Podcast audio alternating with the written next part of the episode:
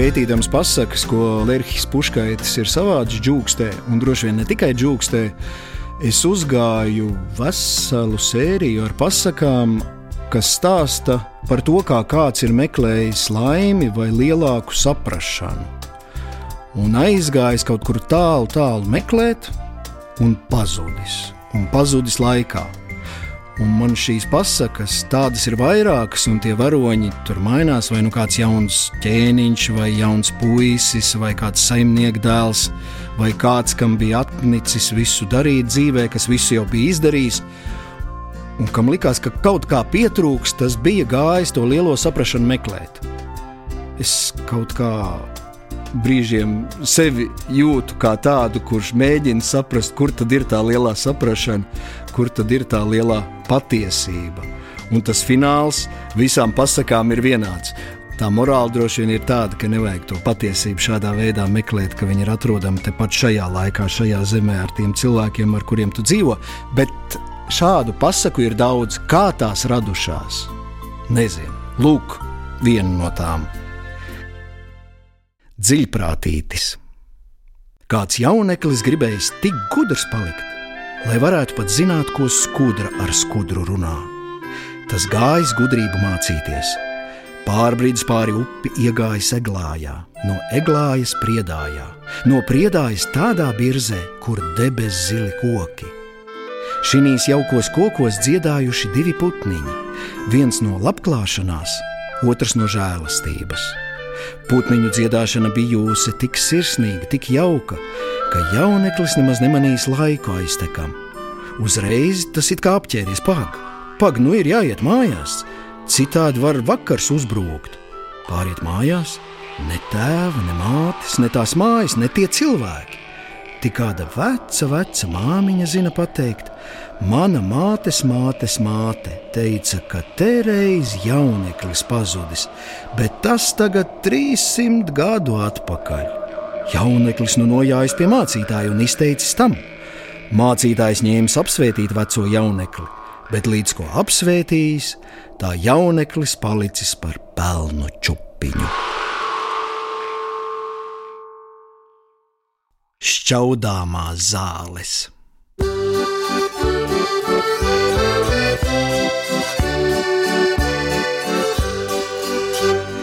Kādā mazā mājiņā dzīvojusi atraikne ar meitu un dēlu. Dēls vēl bijis puikas gados, bet meita jau bijusi pieaugusi.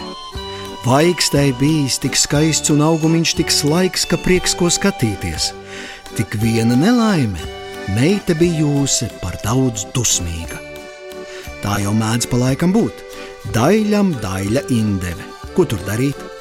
Māte gan spiedūsi, lai meita precētos, jo domājusi, ja apprecēsies, gan tad vīrs izdzīs dusmīgo prātu, bet meita no tam nedzirdēt. Kurš puisis nācis bildināt, to izdzinusi ar bīsteklu laukā. Reiz atnācis krietns tēvdēls daļo meitu bildināt, bet meita teikusi: Jā, jā, tūlīt! Izskrējusi namā, pagrābusi bīsteklu, izdzīnusi puisi ar kaunu laukā. Puisis aizsedzis acis un gājis sarkans kā vēzis uz mājām. Uz ceļa tas saticis vecu nabagu. Nabags prasīs, kas tev puisīt par nelaimi, kādēļ tāds modīgs esi? Tā un tā puisis izstāstījis. Kas par niekiem? Nabaks atteicis. Es apgalvoju, ka meita pie manis veca nabaga nāktu, nevēl pie tevis jauna puika. To neticu, puisis atbildēja. Nu tad pierādīšu to. Tūlīt iešu uz mājiņām meitu bildināt. Puisis pasmējies un neticējis, bet nabaks vairāk nekā neteikdams, gājis taisni pie meitas projām iegājis iekšā, nosēdies pie krāsnes un nerunājis ne vārda. Uzreiz iznākusi atraikne un sniegusi nabagam maizes riecienu. Bet nabaks atteicis: Nē, nācis mīļā māmiņa ubagot, bet tavu daļo meitiņu par sievu bildināt. To dzirdēdama meita palīkusi zilā, izskrējusi pēc bīstekla un izdzīnusi nabagu laukā. Nabaks vienu spērienu dabūjis sakritis četrāpus un rāpies kā šunels pār slieksni, bet to tas darīs ar nodomu, jo rāpjoties pabāzis apakšsliekšņa šķaudāmās zāles, un tad aizgājis ne ardievas neteicis. Pēc kāda laika atraikne teikusi uz meitu. Meitiņa bērniņa, izēja sapūti pavardā uguni, jau sildēdiens. Meita gājusi, bet līdz ko bijusi pār slieksni pāri, tā sākusi šķaudīt, ači, ači! Sākusi uguni pūst, bet kā pūš tā, ači, kā pūšā, ači! Nu, skrējusi pie mātes iekšā, teikdama, māmiņa, ači, nevaru, ači, uguni, ači, iepūst, ači! Lai meitiņa, lai pāries, atsēdies, pasiti pie krūtīm, dēliņ, ej tu māsiņas vietā uguni iepūst. Izgājis dēls, bet tas pats, līdz ko sācis pūstā, ači un ači. Tas skrējis arī pie mātes iekšā, teikdams: Māmiņa, ači, nevar ači, ugun ači, iepūst ači. Māte domājusi, tad tā brīnumi, jāiet pašai. Izgājusi, bet tāpat, līdz ko sākusi pūst, tā ači un ači. Nu, māte nomanījusi, ka nabaks būs ko piejokojis. Tādēļ ieskrējusi pie dēla sacīdama: Dēliņ, ači, mīļo ači, ņem ači, to ači, balto ači, kaziņu ači un ači, jāj, ači pie labdara, ači, lai ači nāktu ači, to ači, spogu ači, izdzīt ači, ko ači, nabaks ači, iela, ielaidis, ha, ha, ha, ači! Dēls paņēmis balto kaziņu un aizjājis pie labdara. Bijis lielas mokas, kamēr labdaris sapratis, pēc kā jājas. Beidzot, labdaris taisījies uz ceļu. Atjājis, izrēgojies, neko darīt, gājis iekšā bet tikko pār slieksni pāri, labdarim tā pati nelaime klāt.